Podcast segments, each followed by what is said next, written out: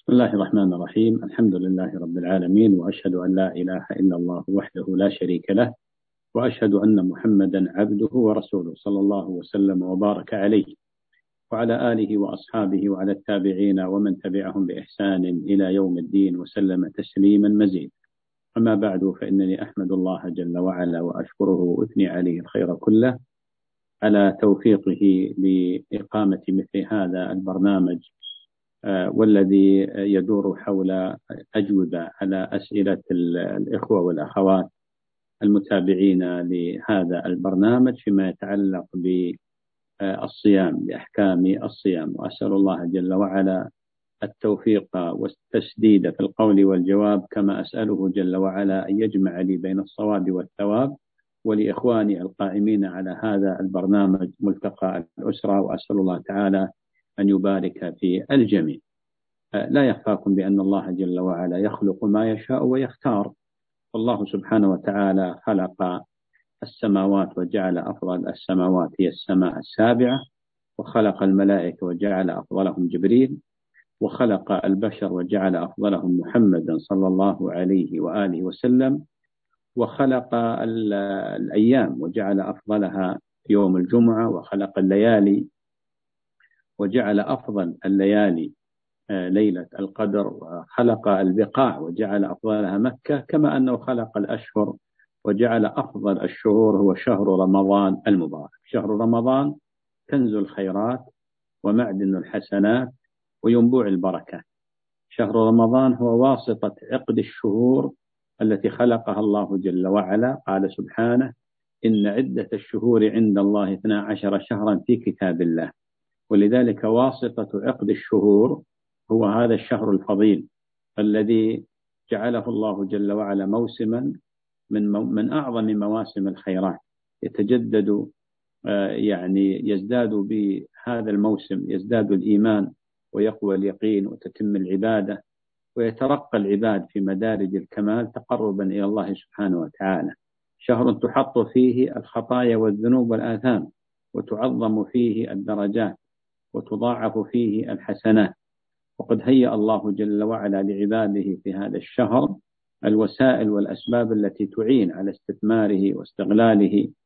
آه، من جملة ذلك أن الله تعالى يفتح أبواب الجنان فلا يغلق منها باب وتغلق أبواب النيران فلا يفتح منها باب. وتصفد مردة الجن وتصفد الشياطين فلا يخلصون إلى ما كانوا يخلصون إليه في غير رمضان. شهر يمثل نهر متدفق وينبوع فوار بالأجور والحسنات ولذلك الكيس الفطن هو الذي يحتبل فرصة هذا الشهر الفضيل ويستثمره في طاعة الله عز وجل خاصة وأن الإنسان ما يدري هل آه، يعني يعيش إلى العام القادم آه، ليصوم رمضان وليدرك هذا الموسم فأنا وأنتم وجميع من يشاهدني وجميع الناس يعني آه، في العام الماضي في رمضان الماضي كان لنا أقارب وأرحام وأصدقاء وجيران أو أناس مشهورين نعرفهم ولا يعرفوننا صاموا معنا صاموا رمضان.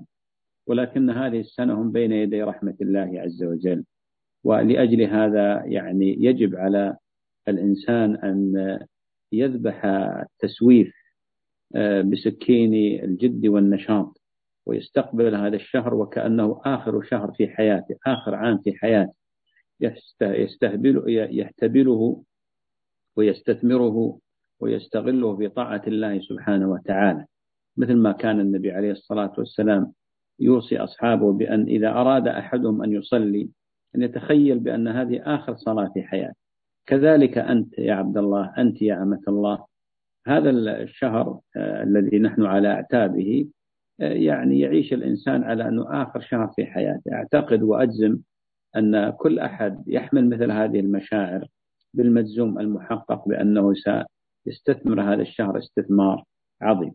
وما ذكره الشيخ سالم بارك الله فيه من الحث على استثمار هذا الوقت وما ذكر من أن أوله رحمة وأوسطه مغفرة وآخره عتق من النار هذا لا يصح مرفوعا إلى النبي عليه الصلاة والسلام وإن كان يتردد على ألسنة الخطباء والوعاظ وعلى ألسنة يعني بعض المذكرين.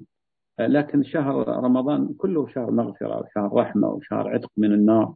في كل ليلة من ليالي رمضان عتقاء من النار.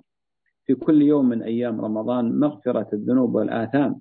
في كل يوم من أيام رمضان رحمة من الله الرحيم الرحمن سبحانه وتعالى. وحتى لا أطيل أترك المجال للأسئلة التي لديكم وأسأل الله تعالى أن يسددني في القول وأن يبارك في هذا اللقاء وأن يجعله موفقا بحوله وقوته.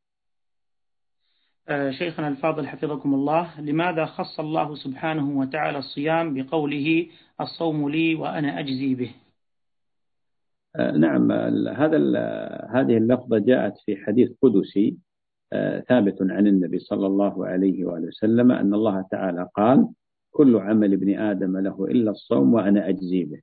ولذلك العبادات كلها لله عز وجل. لكن الله تعالى يختص من هذه العبادات ما يشاء من باب بيان فضل هذه العبادة من بيان من باب فضل بيان فضل هذه العبادة.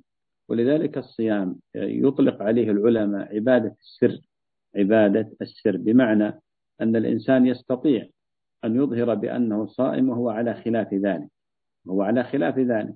ولأجل هذا لا يعلم عن صوم العبد على الحقيقة إلا الله سبحانه وتعالى. والصيام في واقع الأمر آه، يعكس الإيمان المتربع على عرش قلب كل صائم. ذلك أن بمقدور كل إنسان أن يخادع الناس وأن يظهر في صورة صائم وعليه آثار الصوم وهو يكذب.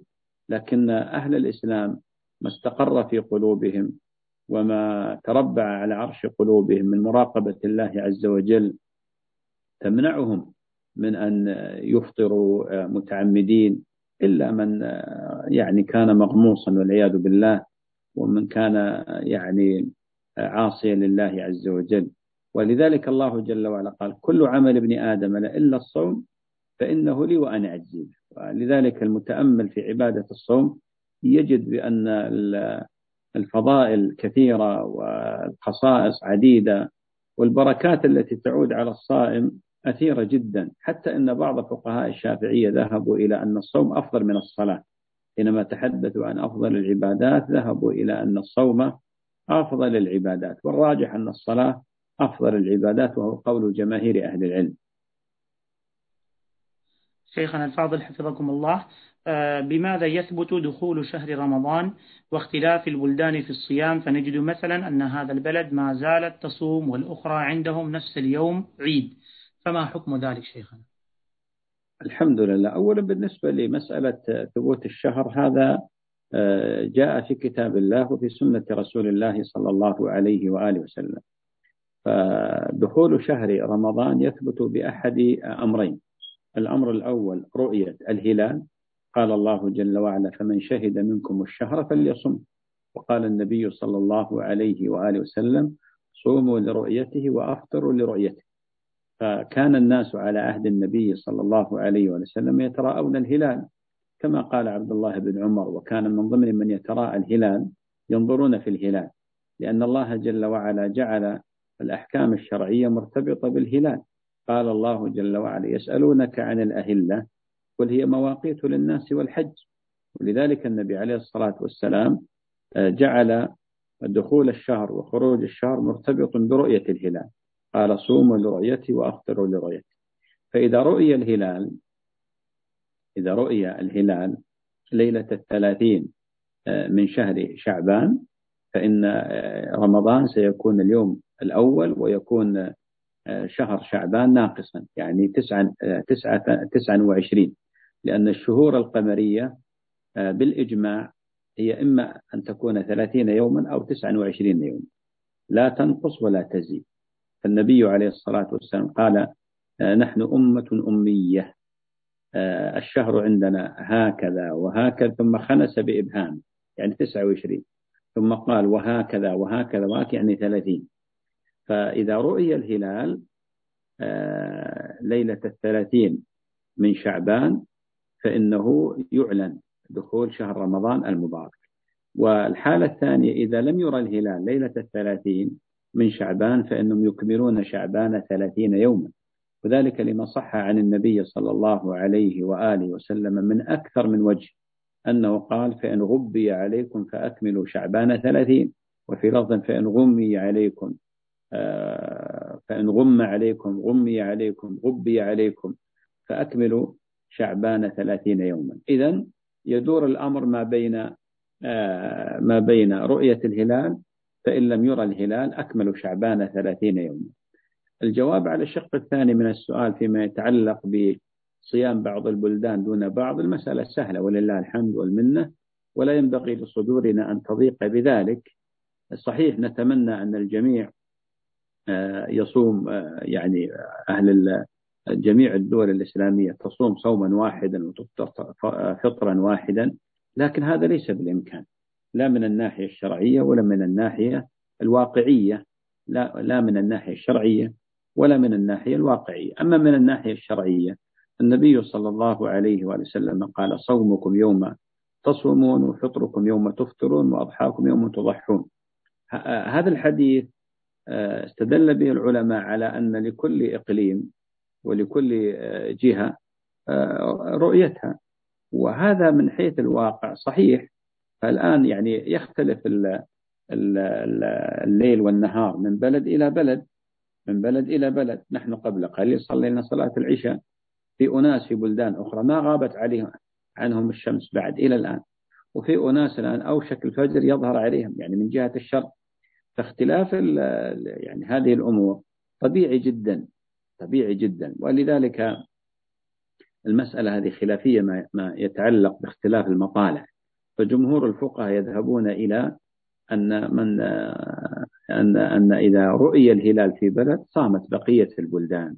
وقول آخر اختاره جمع من أهل العلم من أهل التحقيق وهو مذهب معروف من المذاهب الفقهية قالوا بأن بأنه إذا رؤي الهلال في بلد فيصوم من كان قريبا من هذا البلد يعني من ناحيته.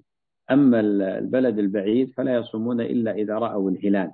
وهذا ما يسمى عند العلماء باختلاف المطالع اختلاف المطالع. وحديث كريب حينما أرسلته أم الفضل بنت الحارث إلى معاوية في حاجة وأدرك رمضان هناك فصام قال رأينا الهلال ليلة الجمعة.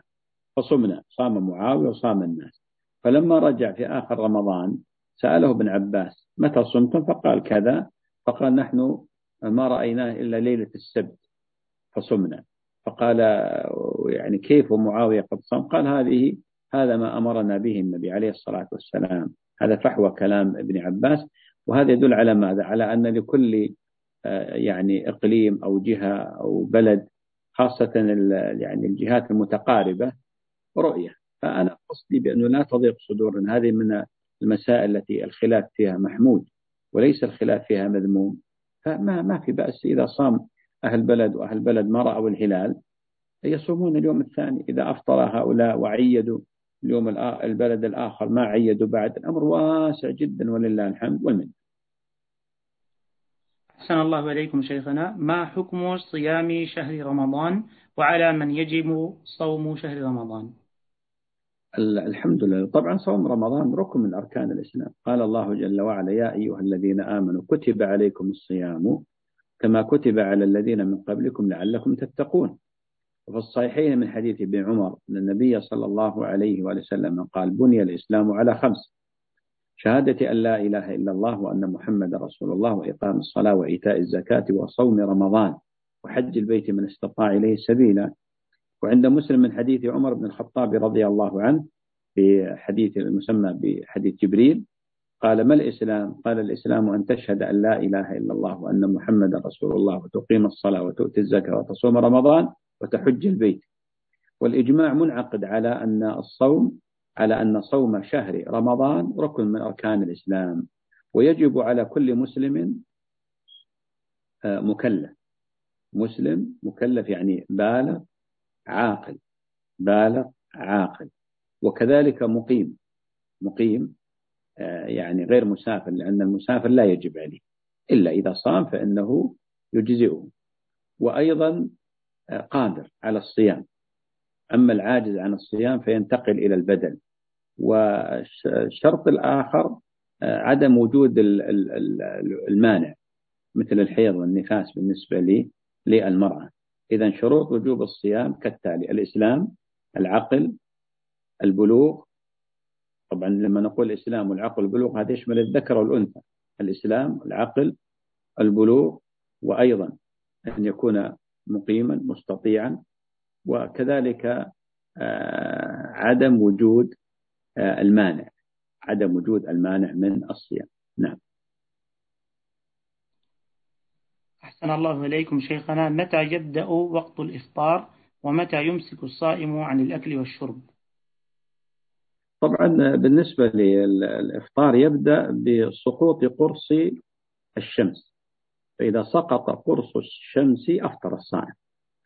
وبالنسبة للإمساك يكون بطلوع الفجر الصادق الذي كان على عهد النبي عليه الصلاة والسلام يؤذن ابن أم مكتوم. والأدلة على ذلك من الكتاب والسنة والإجماع. قال الله جل وعلا فالآن باشرهن وابتغوا ما كتب الله لكم وكلوا واشربوا حتى يتبين لكم الخيط الأبيض من الخيط الأسود من الفجر ثم أتموا الصيام إلى الليل. وصح عن النبي صلى الله عليه وآله وسلم أنه قال إذا أقبل الليل من ها هنا وأدبر النهار من ها هنا وغربت الشمس فقد أفطر الصائم. فقد أفطر الصائم. وكان النبي صلى الله عليه وسلم يبعث من آه، يوفي على جبل أو يشرف على جبل أو على مكان فيقول انظر الشمس هل غربت؟ فإذا غربت الشمس أفطر النبي عليه الصلاة والسلام. ولذلك يتحقق الفطر بغروب الشمس. حتى أن بعض العلماء يقولون بمجرد غروب الشمس أفطر الصائم ولو لم ينوي. والراجح بأنه لا بد من النية يعني لا بد أن يأكل. يعني النية مع وجود عمل. يشرب ماء أو يأكل تمرة. فإذا غربت الشمس أفطر الصائم وتأخير الإفطار هذا غلو وتنطع وفيه مخالفة لما أمر به النبي عليه الصلاة والسلام. وكذلك هو علامة سوء. لماذا؟ لأن النبي عليه الصلاة والسلام قال لا تزال أمتي بخير ما عجلوا الفطر وأخروا السحور. ما عجلوا الفطر وأخروا السحور. إذا بمجرد غياب قرص الشمس أفطر الصائم لذلك بعض الناس الآن يتحرج حتى يسمع المؤذن. صحيح الأذان علامة على غروب الشمس والآن نحن في المدن من الصعوبة بمكان أننا نرقب الشمس حال غروبه فنعتمد الأذان. لكن طيب المؤذن تأخر نام المؤذن انطفأ الكهرباء خلاص ننتظر المؤذن حتى يؤذن. لا ما دام حقق الغروب خلاص.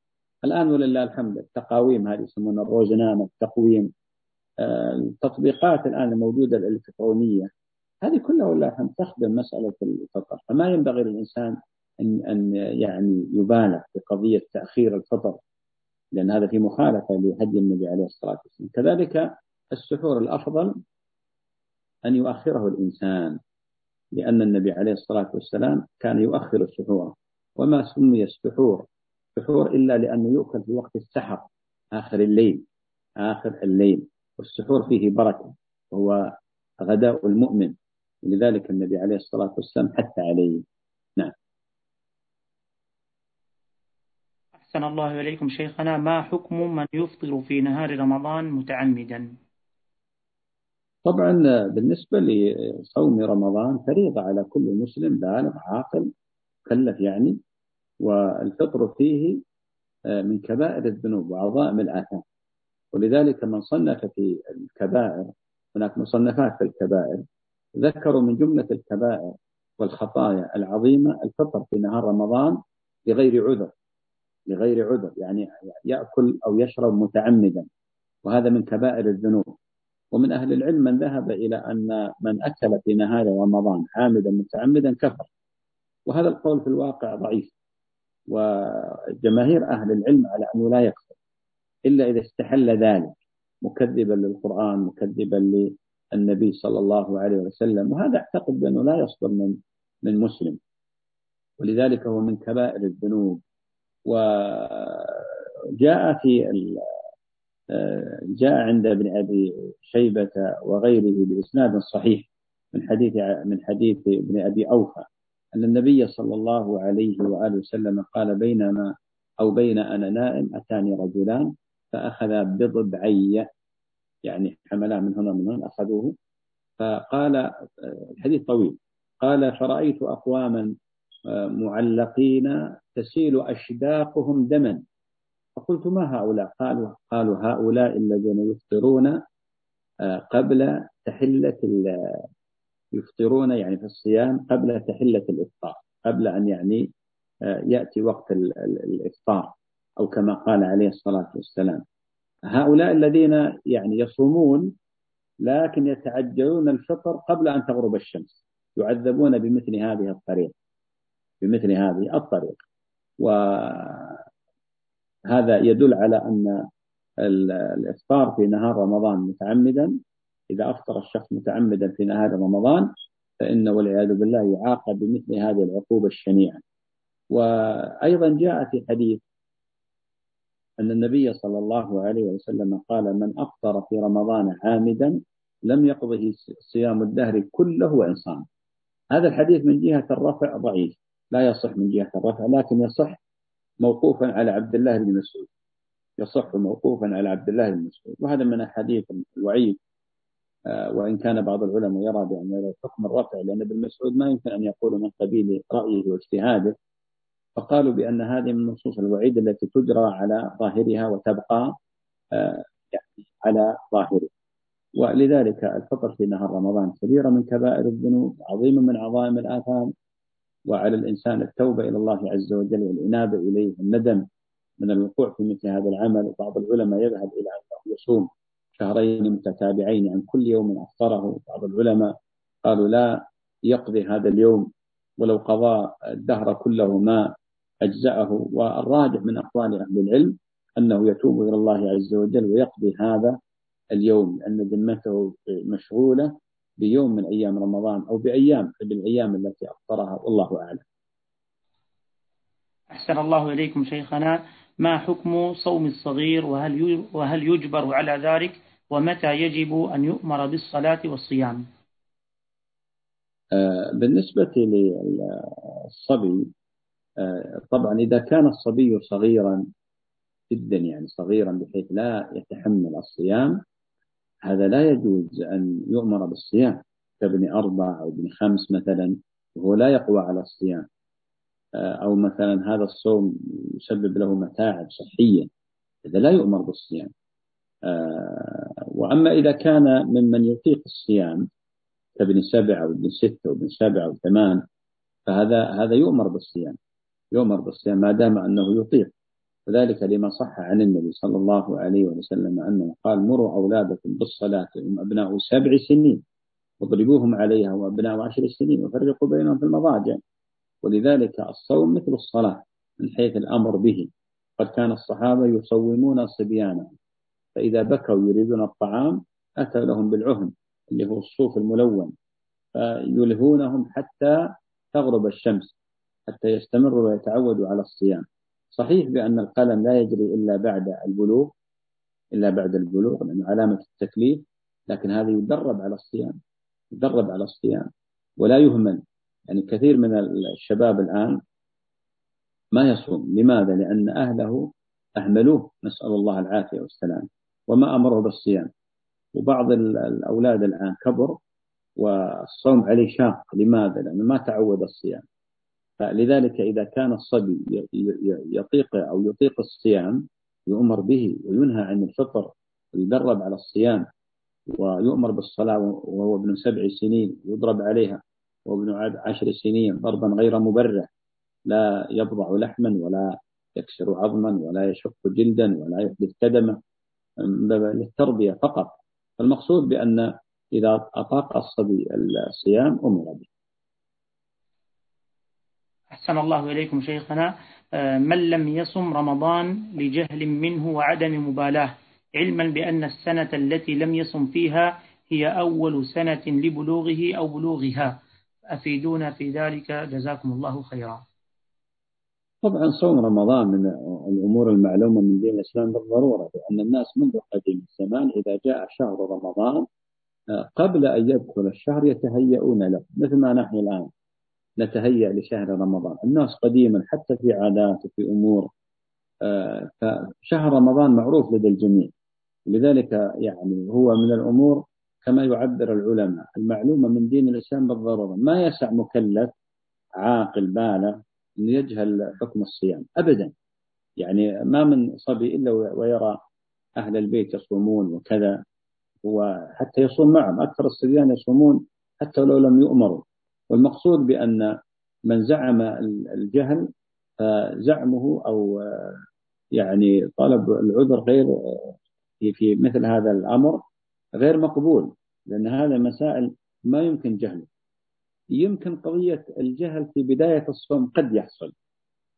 يعني بعض الأولاد خاصة جنس الإناث يصير عندهم نوع من الارتباك وكذا قد يكون. لكن عموما آه، من من لم يصم في بداية البلوغ عليه التوبة والاستغفار وأن يتعلم الأحكام الشرعية وأن يبادر إلى قضاء هذا الشهر الذي لم يصومه أو بعض الأيام التي لم يصومها في بداية بلوغه ويكثر من التوبة والاستغفار وذكر الله العمل الصالح في بر والديه يصل رحمة هذه هذه أعمال كلها بإذن الله تعين على على تكفير الذنب والخطيئة. شيخنا الفاضل ما حكم صوم المسلمين في بلاد الغرب الذي يطول عندهم النهار إلى 19 ساعة مثلا؟ وكيف يكون الصوم في البلد التي يكون فيه الليل ستة أشهر والنهار ستة أشهر؟ طبعا هذه من الأسئلة التي تتكرر سنويا والجواب عليه من شقين. عندنا بلاد يتمايز فيها الليل من النهار وعندنا بلاد لا يتمايز فيها الليل من النهار مثل بعض الدول الإسكندنافية. أما التي لا يتمايز فيها الليل من النهار مثل ما ذكرت في السؤال بارك الله فيك يعني بعضها آه، يعني ستة أشهر ليل وستة أشهر نهار وكذا هؤلاء ينظرون أقرب بلد إليهم ويقدرون يعني الوقت الذي يصومون فيه. فينظرون أقرب بلد إليهم يتمايز فيه الليل والنهار ويعتبرون اليوم بمثل هذا البلد. يعني أكثر مثلا بلد ستة أشهر نهار ليل وستة أشهر نهار. دخل رمضان في ستة الأشهر الليل أو دخل في ستة أشهر اللي هي نهار. كيف يحسبون اليوم؟ يحسبون بأقرب بلد. أقرب بلد إليهم النهار 14 ساعة 16 ساعة مثلا. يحسبون بمثل هذه الطريقة. يبقى عندنا البلاد التي يتمايز فيها الليل من النهار. ما معنى يتمايز؟ يعني تطلع الشمس وتغرب. تطلع الشمس وتغرب. يتمايز فيها الليل من النهار. هؤلاء يجب عليهم أن يصوموا يجب عليهم أن يصوموا آه النهار آه منذ طلوع الفجر الصادق إلى غروب الشمس. طال النهار أم قصر؟ طال النهار أم قصر؟ الآن السؤال يقول 19 ساعة. 19 ساعة يجب على من عاش في هذه البلاد أن يصوم 19 ساعة. لماذا؟ لأن الله جل وعلا قال فالآن باشرهن وابتغوا ما كتب الله لكم وكلوا واشربوا حتى يتبين لكم الخيط الأبيض من الخيط الأسود من الفجر ثم أتموا الصيام إلى الليل. أتموا الصيام إلى الليل. النبي عليه الصلاة والسلام قال إذا أقبل الليل من ها هنا وأدبر النهار من ها هنا وغربت الشمس فقد أفطر الصائم. وهؤلاء الذين يعيشون في هذه البلاد ستأتي عليهم دورة زمنية يكون النهار فيه قصير جدا يعني تقريبا أربع أو خمس ساعات حسب ما ذكر لي بعض الفضلاء أيضا يصومون خمس ساعات فقط هم غير مكلفين أن يصومون 19 ساعة. لا ما دام أن الفجر الصادق يظهر في الساعة الفلانية وتغرب الشمس في الساعة الفلانية هم مخاطبون بأن يصوموا ما بين هذين الوقتين. قد يقول قائل والله أنا أجد مشقة وتعب وصعوبة الناس حقيقة اللي تواصلت معهم هناك وتواصلوا معنا ويتصلون بنا منهم من يتحمل يقول 19 ساعة ما عندي مشكلة بل أصوم 20 ساعة ممكن أواصل اليوم واليوم اليومين والثلاثة ما عندي مشكلة. إذا هذا قام عندنا صنف ثاني لا. عاجز يعجز. ماذا نقول له؟ نقول يجب عليك أن تصوم حتى إذا شارفت على يعني إذا وصلت إلى مرحلة تعتقد بأنه من الصعب الإكمال تفطر ولله الحمد. لكنك لا تبيت الفطر من الليل وإنما تبيت الصيام من الليل. تبيت الصيام من الليل ثم إذا آه، شعرت بأنك ما يمكن أن تكمل بقية اليوم تفطر ثم تقضي بعد ذلك. يبقى عندنا المرضى والذين لديهم مثلا أدوية. هؤلاء مرضى يفطرون الحمد لله ابتداء قول الله تعالى فمن كان منكم مريضا أو على سفر فعدة من أيام أخرى. فيفطر ويقضي. حتى لو قضى في وقت الشتاء مثلا والنهار قصير لا حرج في ذلك. أحسن الله إليكم شيخنا. من هم الذين يباح لهم الفطر في نهار رمضان؟ وماذا يترتب على فطر كل منهم منهم؟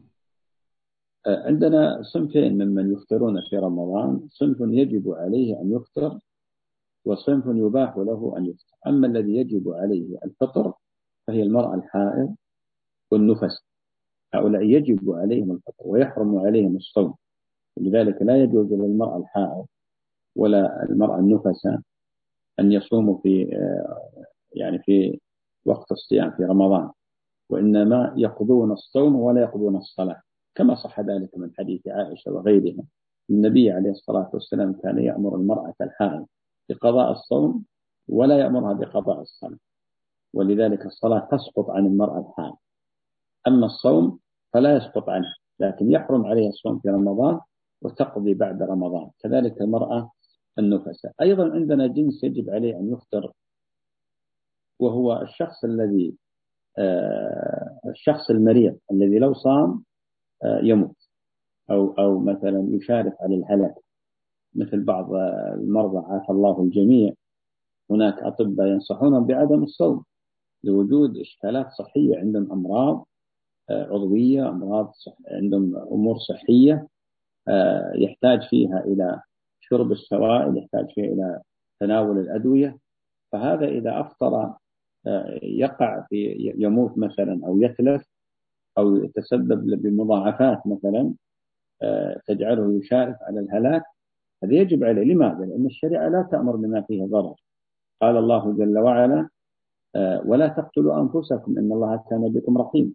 قال جل وعلا ولا تلقوا بأيديكم إلى التهلكة قاعدة الشريعة التي لا تنخرم أن المشقة تجلب التيسير ولذلك الله عز وجل قال وعلى الذين يطيقونه فدية طعام مسكين. هذا في الشيخ الكبير والشيخ الكبيرة الهرم والهرمة العاجزين من به مرض عظام هؤلاء يجب عليهم الفطر وينتقلون إلى البدن. والشخص المريض مرض طارئ وإذا صام هلك لا يفطر ثم يقضي يفطر وجوبا. هكذا قال العلماء. أما ما, ما من يباح لهم فالمريض المريض مرض عادي. هذا ربنا جل وعلا قال فمن كان منكم مريضا والمرض أنواع. من الأمراض ما لا يتحمل الإنسان الصوم معه. من الأمراض ما يمكن يتحمل لكن بمشقة هذا يباح, يباح له ويرخص له الفطر ثم يقضي بعد ذلك. المسافر أيضا. المسافر يباح له الفطر قال جل وعلا فمن كان منكم مريضا أو على سفر. وعلة الفطر بالنسبة للمسافر ليست المشقة. الراجح من قول أهل العلم إنما العلة السفر. لماذا أقول هذا الكلام؟ أقول لأن قد يقول شخص والله أنا سفري مريح. ممكن أفطر ممكن لأن العلة هي السفر. مجرد السفر لا أو مطلق السفر لا آه، يعني المشقة في السفر. فيجوز للمسافر أن أن يرخص للمسافر أن يفطر. فمن كان منكم مريضا أو على سفر فعدة من أيام. هؤلاء هم الذين يرخص لهم بالفطر في رمضان. أحسن الله إليكم شيخنا. هل يحل الإفطار ثم قضاء الأيام لمن يعمل في مهنة شاقة أو تصادف أيام امتحاناته شهر رمضان المبارك؟ بالنسبة لصوم رمضان يجب على كل مسلم مكلف مقيم. آه، لا يوجد عذر ولا مانع من صومه قادر على الصوم. هذا كله يجب على كل مسلم بغض النظر عن مهنته حرفته وظيفته مكانه. هذه كلها لا غير معتبرة وليس منظور إليها. فشخص الآن فلاح يجب عليه يصوم. شخص صنائعي مثلا يجب عليه يصوم.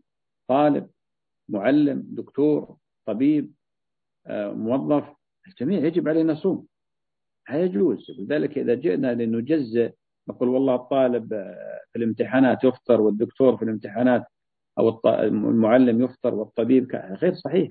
لا يجب على الجميع أن يصوم. ما دام مسلم مكلف يعني عاقل بالغ مقيم آه، قادر على الصيام ليس به عذر يجب عليه أن يصوم.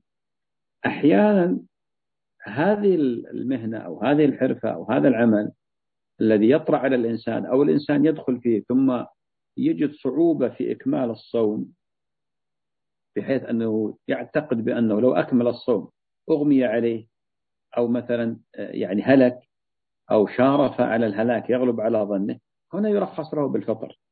يجب على كل مسلم أن يبيت الصيام من الليل. يجب على كل مسلم مكلف أن يبيت الصيام من الليل.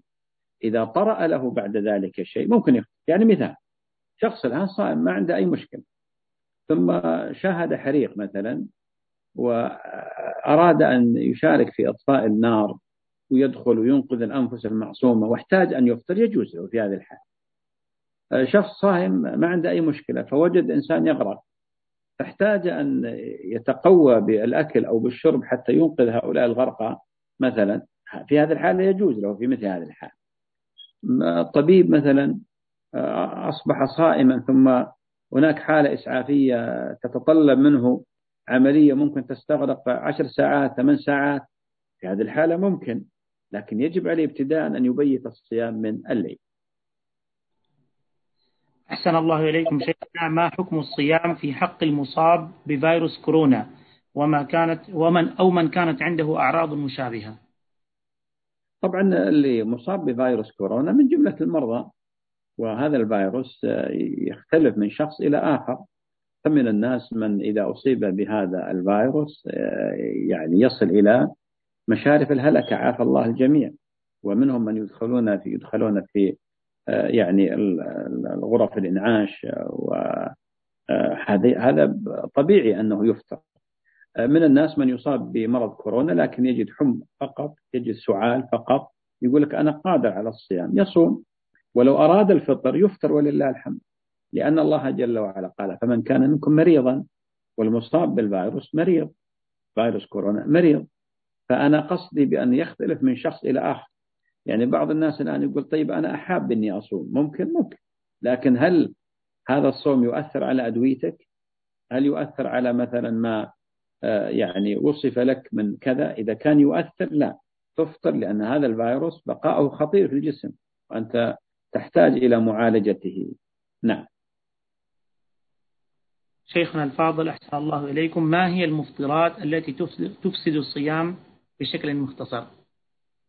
طبعا المفطرات أولا الأكل آه، والشرب وما في معناه.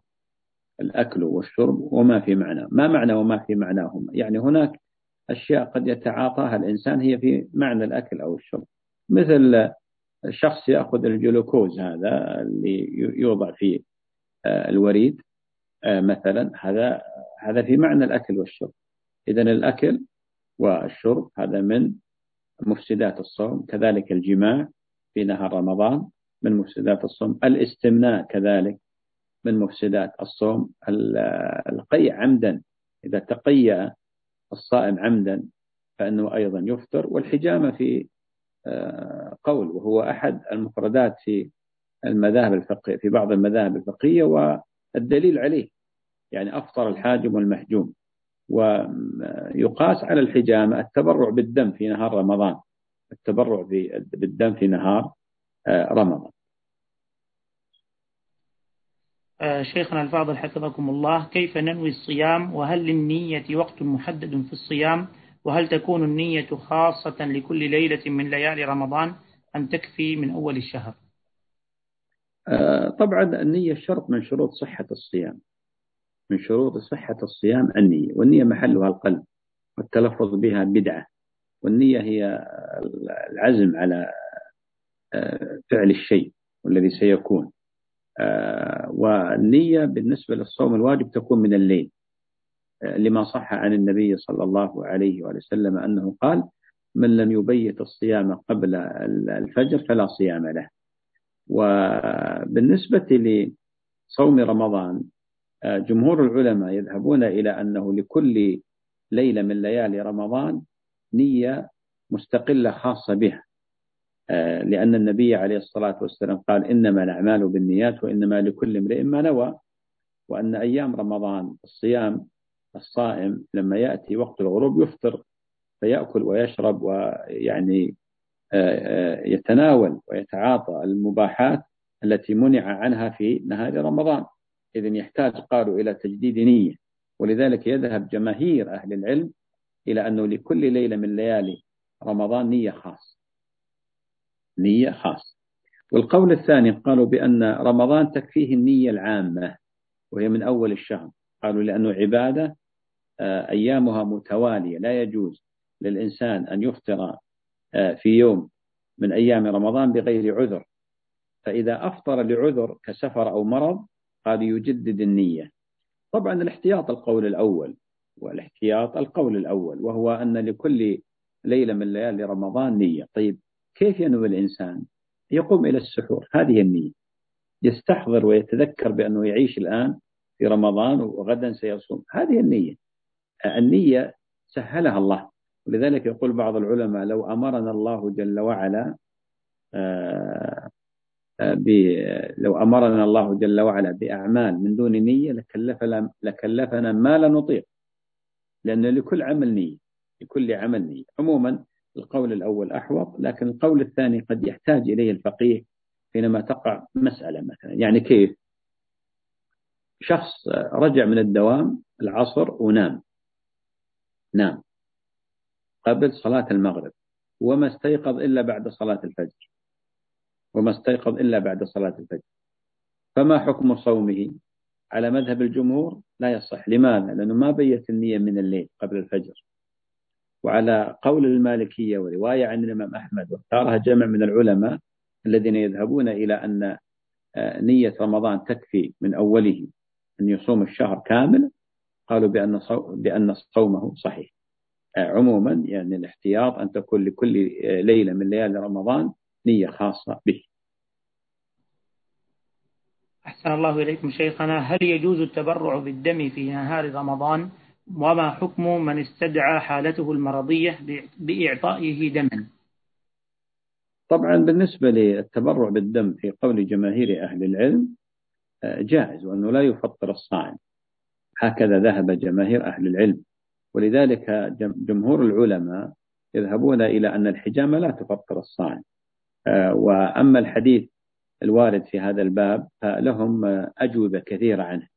من حيث يعني تضعيف الحديث ومن حيث كونه منسوخ مثلا وأيضا ذكروا أجوبة كثيرة. القول الثاني وهو الذي يظهر والله تعالى أعلم أنه الراجح أن الحجامة مفطرة. الحجامة مفطرة. عليه لا يتبرع الصائم في نهار رمضان بالدم. وإذا تبرع وخضر. إذا تبرع يقضي هذا اليوم. وجود حالة إسعافية تقتضي ذلك هذه مسألة داخلة تحت قاعدة الضرورات تبيح المحظورات. حتى على قول من يذهب إلى أن التبرع بالدم مفطر للصائم آه، يرى جواز ذلك إذا مثلا حالة مرضية واحتاجوا دم وما وجدوا يعني فصيلة صالحة إلا لهذا الصائم فطلب منه أن يتبرع. يتبرع ويقضي احتياطا وإن كان جمهور الفقهاء يقولون بأنه لا يفطر آه، شيخنا الفاضل حفظكم الله. ما حكم أخذ أو استعمال الأمور الطبية الآتية؟ إبرة الإنسولين لمرضى السكري القطرة بخاخ الربو الحقن المغذية حبة تحت اللسان لمرضى القلب. آه، بالنسبة لي آه، ذكر من يعني هذه الأشياء يختلف فمنها ما يفطر ومنها ما لا يفطر. بالنسبة لإبرة الأنسولين وأيضا الإبر هي من جنس المضادات الحيوية وقطرة العين وبخاخ الربو وقطرة الأذن آه، وأيضا المراهم. هذه كلها لا تفطر. حتى لو وجد الصائم طعم المراهم في لسانه مثلا هذه كلها لا تفطر. فالصائم يأخذ إبرة الأنسولين آه، أيضا القطرة في العين القطرة في الأذن استعمال المراهم أيضا آه، بخاخ الربو هذا كله مما لا يفطر أما الإبر المغذية هذه في معنى الأكل والشرب. فإذا احتاج إليها المريض أخذها وقضى أما إذا لم يحتج إليها فلا يأخذها. يبقى قضية الحبة هذه حبة التي توضع تحت اللسان. فإن كانت هذه الحبة يعني يزدردها الإنسان ويبلعها مثلا أفطر لأن دخلت مع منفذ إلى الجوف وهو الفم. وهو أقوى منفذ إلى الجوف وهو الفم. وأما إذا كانت يضع أما إذا كان يضعها تحت اللسان وتذوب هكذا هذه محل خلاف عند العلماء المعاصرين منهم من يرى بأنها تفطر لأن هي مادة لها جرم تتحول إلى سائل ثم تدخل إلى الجوف.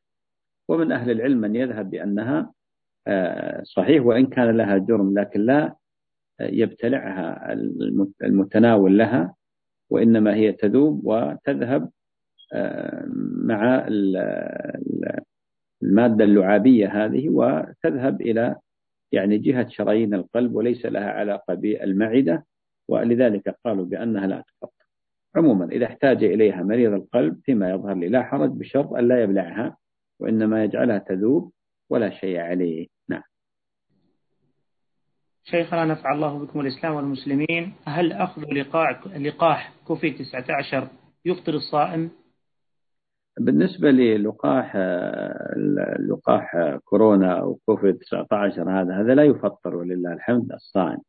فإذا كان عند الصائم موعد لأخذ هذا اللقاح في في نهار رمضان لا حرج يأخذه وصومه صحيح ولله الحمد لأن هذا اللقاح ليس هو من الأمور المغذية آه، التي يفطر بها الصائم ولذلك له أن يتناولها وصومه صحيح ولله الحمد والمنة. جزاكم الله خيرا شيخنا. هل رائحة العطر تفطر؟ وهل استنشاقه أيضا يفطر؟ وماذا عن رائحة العود والبخور للصائم؟ وماذا عن استعمال الكحل؟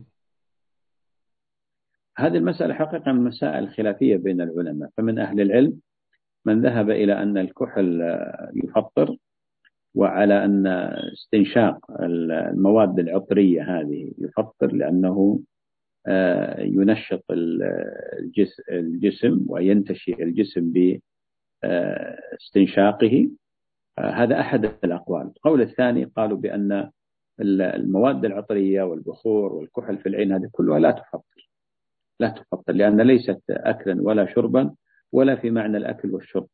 وهي لا تدخل إلى الجوف من آه، المدخلين الرئيس الرئيسين الفم والأنف. وإنما حدها إذا استنشقه الصائم فهي في يعني منطقة الأنف أو يعني تصعد إلى إلى يعني من حيث التأثير إلى الدماغ.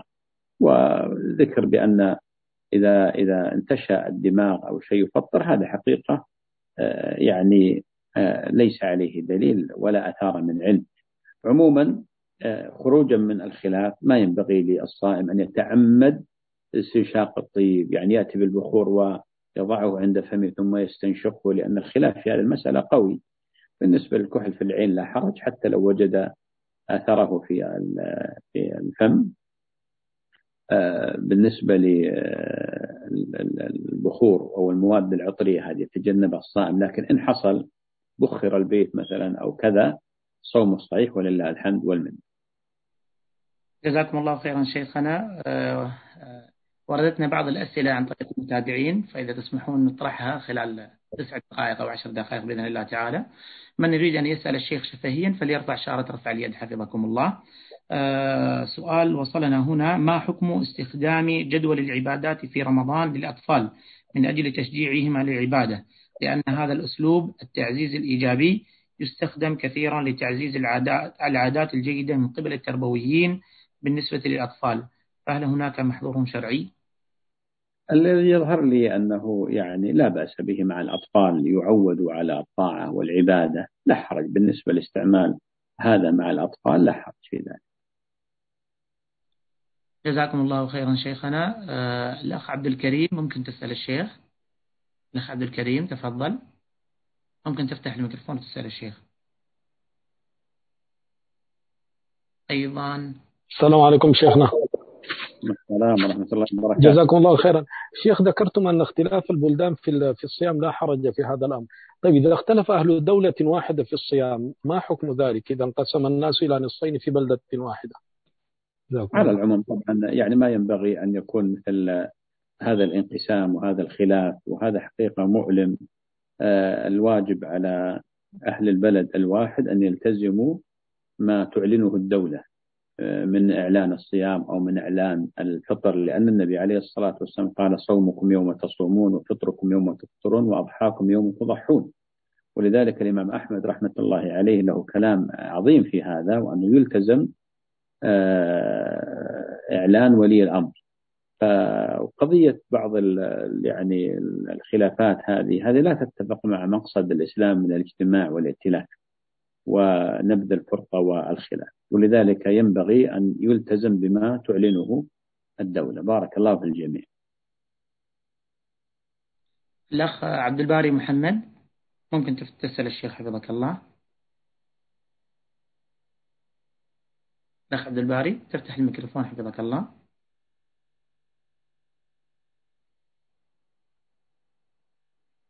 طيب نأخذ الأخ محمد صالح. الأخ محمد صالح. شيخنا آه، نطرح سؤال. السلام عليكم ورحمة الله وبركاته شيخ. معك عبد الباري الله يحفظك. حياك الله عبد الباري بارك الله فيك. يا شيخنا بارك الله فيك. آه وردني كلام أن حديث أوله رحمة وأوسطه مغفرة آخره عتق من النار أن بعضهم يقول هذا حديث منكر يا شيخ وبعضهم قال هذا حديث ضعيف. فما أدري يعني وجهة نظرك. الله يحفظك. هو الخلاف فيه قوي. الذي يظهر بأنه منكر الحديث. هذا الذي يظهر بأنه منكر. لكن عموما لما يعبر بعض العلماء آه، بقول ضعيف التعبير العام يقصدون أنه غير مقبول. آه، قد يكون آه، حتى أحيانا يعبرون عن الذي لا أصل له يقولون ضعيف. هذا من حيث التعبير العام. لكن من حيث التفصيل لما يأتي فقهاء الحديث لا يفصلون يقول هذا منكر هذا ضعيف لأن الضعيف أحيانا يعني قابل للتحسين قابل للاحتجاج بالشواهد والمتابعات. لكن عموما هذا الحديث آه، فيما يظهر بأنه منكر. بارك الله فيك. شكرا لك. جزاك الله خير يا شيخ. شكرا لكم آه شيخنا الفاضل حفظكم الله. آه هنا سؤال. ما حكم من فاته رمضان حتى دخل رمضان آخر ولم يصم بسبب المرض؟ بالنسبة لمن آه، أفطر في رمضان ثم دخل عليه رمضان الآخر ولم يقضي لا حرج عليه. يبقى القضاء آه، يعني مطالبا به وذمته مشغولة بهذا القضاء وليس عليه إلا القضاء. أما من تساهل وقد آه، يعني شافاه الله وعافاه ثم وجد فرصة للصيام وترك حتى دخل عليه عليه رمضان الآخر فإنه يقضي ويطعم من كل يوم مسكينا. وهذا هي فتوى أصحاب النبي عليه الصلاة والسلام أنهم كانوا يأمرون من تساهل بالقضاء حتى دخل عليه رمضان الآخر قالوا بأنه مع القضاء يطعم عن كل يوم مسكين. آه الأخ محمد السباعي. الأخ محمد. أنتظر عليهم قليلا أبو صالح لأن الظاهر الصوت يصير بعيد شوي. السلام آه. عليكم شيخنا. عليكم السلام ورحمة الله وبركاته.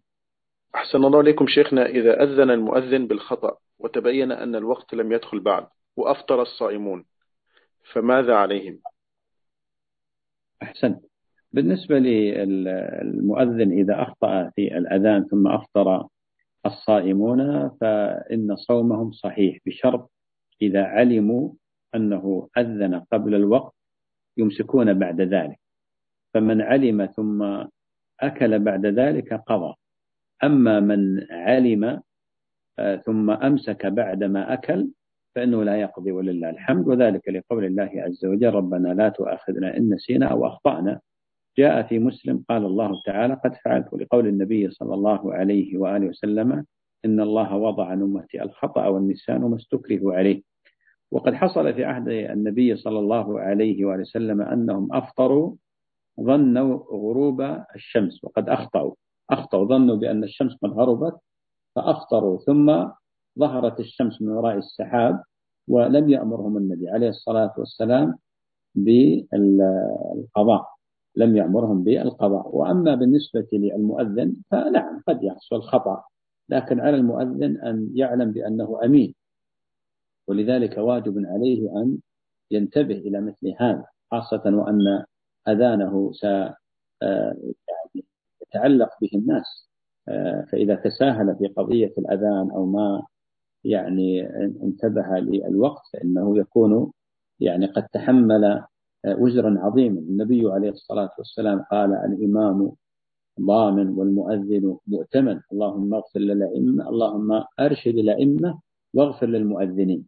لكن إن أخطأ مثلا يعني كما يحصل لا يعني خطأ. آه مثلا مرة في حياته أو مرة في شهر من أشهر رمضان مثلا هذا إن شاء الله يكون مغفور له لأنه خطأ.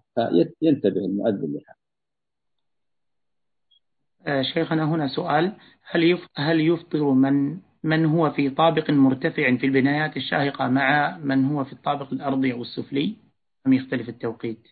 آه، بالنسبة لمن تتفاوت آه، يعني شققهم ومكان سكناهم فإن العبرة بغروب الشمس العبرة بغروب الشمس.